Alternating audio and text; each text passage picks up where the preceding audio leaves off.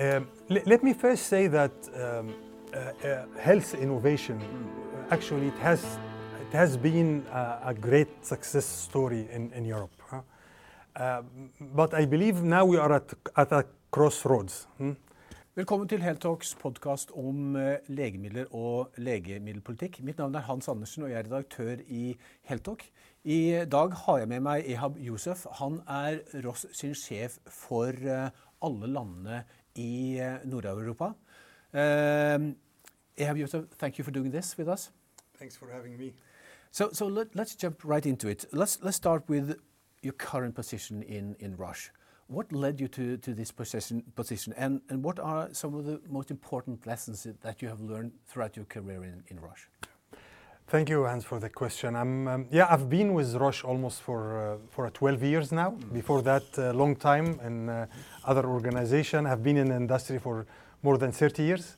I, um, I'm, I'm looking after an area of 12 countries in Europe. I'm based in Basel for Roche. Um, yeah, we uh, work fully inspired to, uh, to really help and find ways to uh, support system, support patients, full understanding about the current pressure in the system, and trying to find really solutions here to provide access to patient to innovation. Uh, we work in an industry with full uh, cooperation as well, trying to help and, uh, and being part of, part of the solution. Sometimes people perceive as part of the problem due to the cost burden, but we try to do our best to be part of the solution. And this is what inspires us every day. Yeah, we'll talk, we'll, we'll Yeah. talk more about this later. But what new healthcare innovations are Roche currently working on? Can you, can you give us some uh, yeah, yeah, ideas yeah. about that? Uh, uh, Roche is, is a leader in, in different uh, diversified disease areas, and certainly oncology used to be a hub for us for long. Uh, a flow of innovation in oncology, uh, meeting many unmet needs in the marketplace. Uh, we actually diversify to other therapeutic areas with many unmet needs. It's, uh, it's uh, ophthalmology, it's related to neuroscience, many products related to the neuroscience area. It's uh, hematology is a big area that we are working in. Uh, Roche always after uh, unmet needs, uh, a real innovation, and trying really to provide help and support uh, to make patient, desperate patient that really seek for, for help and support accessing uh, innovation that really help. So this is what is Roche really about. It's, it's really all about innovation and positioning innovation a part of the solution. Yeah. So, so, so Roche is uh, a European uh, pharmaceutical company, is, is global, of course. Yeah. It's based in Basel, as you said. That's Yeah. where you, the yeah, headquarters the, the headquarter in Basel. It's uh, it's uh, it's uh, it's it's a it's a one of the mega big biotech organization uh, that uh, really work to drive innovation. We have multiple presence everywhere globally. And uh, our headquarters in uh, in Basel, and uh, certainly Europe is one of those areas that. Uh, So Switzerland is, is a small country. Uh, it's uh, five million people, uh, approximately the same as, as Norway. Have two of the world's largest pharmaceutical True. companies, Novartis and Roche, of course. True. So, so, so in Norway, we will try to build a healthcare industry. So, so can you give us an idea of, of why does uh, Switzerland have such two so two big pharmaceutical companies? That is one of the three largest companies in the world, actually, Yeah, in, in the yeah, pharmaceutical business. That, that's very true, and uh, I- I believe it's uh, it's it's back to what what's your priority as as a country, as i- innovation, how how you perceive innovation, how you uh, value uh, innovation as uh, as not a cost rather than uh, a part of a solution and help and support. And I think the more you prioritize innovation as as real value creation, uh, I think that help to drive the whole process and the environment and, and the attractiveness of the environment to uh, get innovation in place. And it, it all related to here about uh, the mindset, uh, the process and the governance and, and that help you to make that attraction real. Right. And yeah, so that I believe part of it Yeah. and, uh, and commitment also to that on, on a sh- short and long term basis. Yeah. We- have to talk about the uh, the EU, EU uh, regulations. Um, uh, f- a couple of weeks ago, uh, EU sweeping proposal to regulate new drugs in, in Europe were, were proposed. It, Yeah. It's a new law. It will probably take a couple of years before it's implemented. Uh, but uh, the pharmaceutical industry is uh, vigorously fighting it. Why is that? Yeah. Um, le- let me first say that um, uh, uh, health innovation, uh, actually, it has, it has been a, a great success story in, in Europe. Uh, but I believe now we are at, at a crossroads. hmm? And, um, and just looking today for the, uh, the EU revision for the pharma legislation, we, we believe this is a, a once in, in generation opportunity really to shape uh, the healthcare industry, the way it fits patient needs, uh, the way also it, uh, it, it build the right attraction to, to Europe as an area and the hub of innovation and the right investment about innovation in Europe. So that, this is something that certainly we would like really to bring to the attention. It's, a, it's an opportunity, it's a real opportunity to bring that to perspective. We are fully aligned with the EU uh, uh, interests to first address those unmedical needs. This is something that we fully acknowledge and we fully support. Also, we are fully understanding and supporting addressing those variances of reaching innovation to different countries within the EU members. huh? That, that's something that we fully hear and we fully also support. And we, we strongly believe in Roche that you build innovation, this innovation has no value if it doesn't reach patients. Exactly. Yeah. Because the EU wants to improve access. Yeah, yeah, yeah. So I think conceptually we are fully aligned with what EU would like to achieve here. Hmm. Building on at least about the initial assessment about the proposal of the EU proposal, we are deeply concerned. We are deeply concerned about the proposal, how if it really does help to bring innovation to patient timely or not, it really helped to make Europe an area to attract innovation or not. So that's something that I'd like to make it clear here that we are very concerned that will not help. Yeah. Let's being more clear here about what's our specific concern about building on again our initial assessment from what we have received. Trying here to uh, uh, uh, link and penalize industry and companies uh, of cutting or, or removing part of the intellectual property years in order and linking that to uh, making every innovation available in two years after uh, the EMA approval and after regulatory approval, this will really not help and make the objective that the EU is looking for happen. huh? Yeah, because the EU they suggest that the um, protection companies like Roche gets uh, from generic drugs uh, will be reduced from 10 years to, to 8 years. So that's that's a critical uh, issue in your it's, opinion. it's, it's a first penalizing companies of making the innovation accessible in two years. It, it, it is not within the industry and companies' control. Yeah? We are ready to commit and, and, and to ensure the industry commitment to apply for pricing and apply for reimbursement within a two years of the regulatory approval. But it is, it is not the industry decision here. It is a regulatory decision here about approving that. And it's back again. Uh, uh, it, it- it's a growing competitive landscape globally. huh? And, and there is an investment on R&D will be placed by all or another, but it's all around where you put that investment in place, building on how in, and how, how countries and how areas are appreciating that type of, of innovation as a part of Yeah. and solution, and, and how you can find those type of uh, approaches that really exactly achieve the outcome that they look for, but in a more pragmatic and more workable way. The CEO of Novo Nordisk, Lars Fruergaard Jacobsen, he says that uh, the, the initiative or the, the proposal is a poison to innovation and uh, competitiveness in, in Europe. Uh, and, and GSK, they are saying that uh, investments will be transferred to United States and Asia instead of Europe and innovations. Are, are you the, on, on the same level here? Yeah. Let, let me tell you my, my view here. Huh? And, and generally, when I'm looking today, the healthcare system under pressure. This is a fact Yeah. that in Europe, it's under pressure. It's, it's a growing demand. It's a political unrest. It's an economical pressure. I'm, if I'm putting myself in the shoes of payer, I, I fully understand where are they coming from. hmm? And uh, it's all around now that if there is no significant change happening in the legislation and the process, we will lose ground. We will lose ground more and more every day. Just looking to some interesting statistics here, Hans, that's uh, alarming. Huh? It's, it's like 20 years back, the investment in innovation in Europe, the gap between US and the gap between Europe used to be 2 billion euro in favor of US. 2 billion.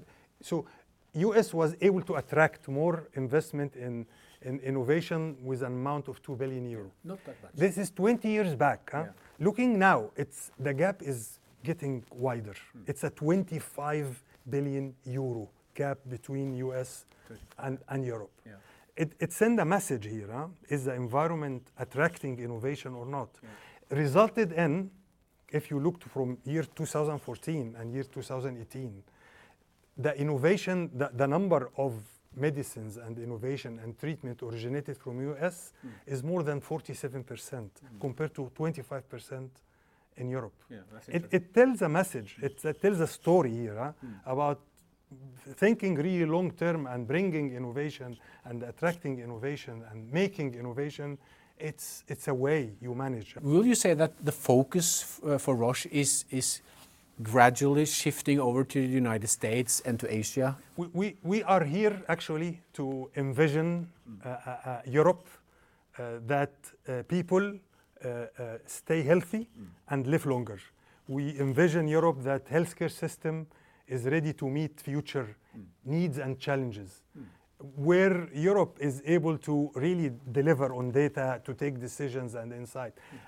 That, that's, this is the role that we try to play here is really push back with all regulators and, and the EU in order to realize that uh, challenges uh, maybe differently and, and try to really build something that can help winning on a short term but also provide a very good gain on a long term. Yeah. Yeah. Mm. You, you said that the um, the healthcare systems in all of, all Western Euro, uh, uh, Western Euro world is under pressure. That's for the the American system, which is mainly is governmental finance, but also of, course uh, uh, insurance finance, and also the welfare states in Europe. We we we experience here, at least in Norway, uh, that it takes a very long time after a drug is uh, approved in EMA in Europe. Uh, it, uh, it takes a lot, very long time before it is reimbursed. As being head of uh, the Northern European countries, what is your perspective on that? How do you s- see that other countries like Sweden, Denmark, Poland, uh, how, uh, Netherlands, how are they different from Norway? Yeah, it's a very good question, and uh, it, it's not only related to Norway; it's also related to many other countries within EU. And uh, we see a lot of differences here in, in, in the approaches you follow. Actually, our intention here as as Roche, and this is a position that we would like with many other players in the industry, is trying really to bring that uh, maybe one step uh, ahead of trying really to full look for the full integrated uh, cycle of, of taking decision. How, how decisions are taken here. We see different approaches here but we strongly believe that there are two key enablers that should help different systems to take those type of decisions better and faster. It, it's all related to innovation again and how you value innovation as part of the solution and, and data. Data and insights. There is a wealth of data in the system. By the end of the day every system you get what you measure. Mm? and if you are not clear what are you measuring that will not help and and and what in order really to manage to, to manage that rightfully you need to have those translate those wealth of real world data about patient outcome, patient results, how patient experience the products, different, different type of data and with a full interoperability between systems in Europe, there is a great uh, initiative now going on, and there's another great opportunity: European health data space. Yeah. It's uh, it's an it's an approach from the EU, trying really to get all EU members agreeing on a framework, on a legislation, on a system able to reach and read each other to leverage the wealth of knowledge and data in the system. This should really help the different system within EU to get insights that guide them to take decision which innovation can be in, which innovation could be out, what fair price for those, building on the outcome to patient. We are not there yet. We are quite far in many areas within EU members. So, so you are suggesting a, a more reimbursement system, which where the government are, are, are paying for performance, so to speak, that they, they pay for the, the real world evidence what the, the drugs really do for the patients. Yeah. And, and that leveraging those type of data that help and support. And as Roche, we are from a pricing perspective, we try to offer a lot of alternatives way, paying for performance, outcome-based approach, also building on the affordability of the different company from GDP perspective, trying to be flexible here, building on that. So there are many ways that we try here to use, but we, again, our request and, and, and our really uh, um, invitation to, to different, uh, uh, different people who are under uh, the responsibility of Right. legislation that data and leveraging the data and the interoperability between different systems in Europe, Yeah. that for both clinical trials, for an outcome, for decision making, that will be a great enabler to, to provide that approach and make it more objective. Yeah. The pharmaceutical industry, like Roche, uh, uh, you develop cutting-edge therapies that's um, has an, an enormous promise for for people with uh, fatal disabilities, uh, which we uh, where we, we see the pace is, is, is increasing for for. Uh, uh, cell therapy, for for for gene therapy, etc., which is it's e- extremely promising. At the same time, is also uh, coming with a, a high price tag. True. So so so uh, you have been discussing this. Uh, It's, it's our day-to-day Yeah. discussion. Hans, so, so yeah. it's it's it's uh, so how the the bridge between what's i- possible to pay for and what is possible to True. develop. Yeah. How should we bridge that gap? Yeah, yeah. I, I think there are two roles here: role on, on on the regulators and role on us as well as an industry, considering that right. And I believe here it's uh, it's having that regulatory framework that able to accommodate those type of new approaches in therapy, which is which not used to be the case earlier. So that that's something that, uh, and I believe EU are working well on that, huh? building on what also initial assessment. There is a, a- framework and uh, that people are working on to accommodate these different approaches of, of a paradigm shift in, in the approach for the innovation. The other one is again, it's a, it's a, we, we are discussing a lot about a pay for performance uh, approach, a, a, a sharing, uh, uh, risk sharing approach, considering that we understand well that what does it mean from a, a cost wise and how, how regulators are ready to, to accommodate that. So I, I believe it's ongoing discussion. We, uh, we expect regulators also have that different understanding of a new treatment modalities and new approaches from both regulation uh, pathway and, and, and also accepting new different models of pricing. And at the same time, in Roche, we discuss regularly what is the most uh, really fair and uh, win-win approach that can help the regulators to consider this with, uh, with less uh, impact and with more value. And again, I'll, I'll bring value concept here once more, how we treat value and how we measure value. Yeah. Yeah. Can you give us a perspective of uh, the, the, the pipeline of Roche? Going, uh, you know, what kind of drugs can we expect Roche to deliver in the next, say, two to five years? Yeah, it's actually in Roche. It's one of the most uh, rich pipelines uh, at different disease areas, and uh, I think that's that that's something that we personally, being in Roche for for some time, the diversity in portfolio is uh, is really uh, impressive. Uh, we used to work heavily in oncology. Uh, I'm still happy that there are many in the oncology field in place, But when I'm looking for ophthalmology today, there is a strong commitment in ophthalmology.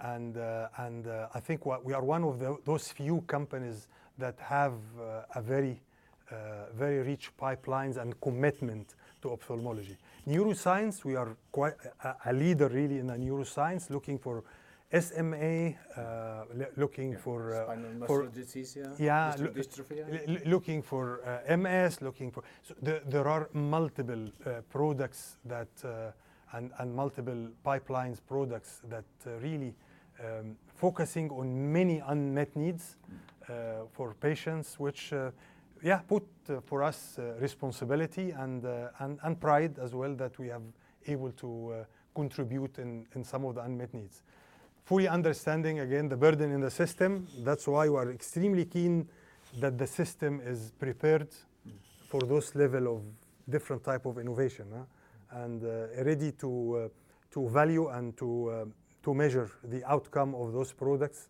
uh, nicely. That that applies for Roche and other Yeah, that's- other pharma organizations. That's putting Roche and the pharmaceutical in the hot chair, but Yeah. you think that's the way going forward? Yeah. Yeah.